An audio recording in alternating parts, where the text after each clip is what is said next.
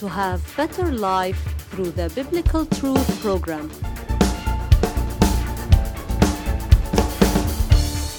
The title of today's Biblical Truth Prophesy over your life with blessings. Many people speak negatively and do not realize the power and consequences of what they say on their lives. Proverbs 18:21 says, "The tongue has the power of life and death, and those who love it will eat its fruit." Learn to speak blessings on your life, on your children, and your family. There are people who speaks of anger and they are not aware of the results of their negative words and then they wonder why this or that matter happened to me.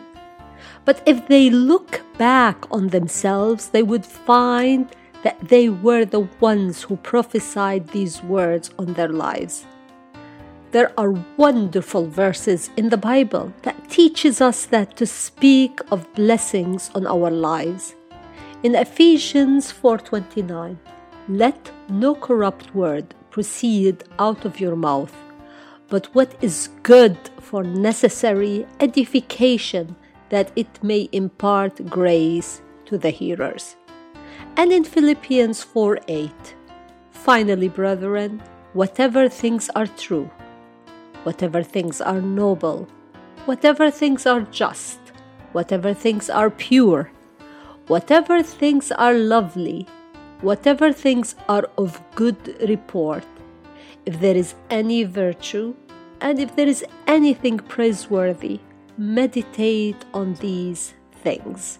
Here it says meditate, but we know in Luke 6:45 the word says a good man out of the good treasure of his heart brings forth good and an evil man out of the evil treasure of his heart brings forth evil.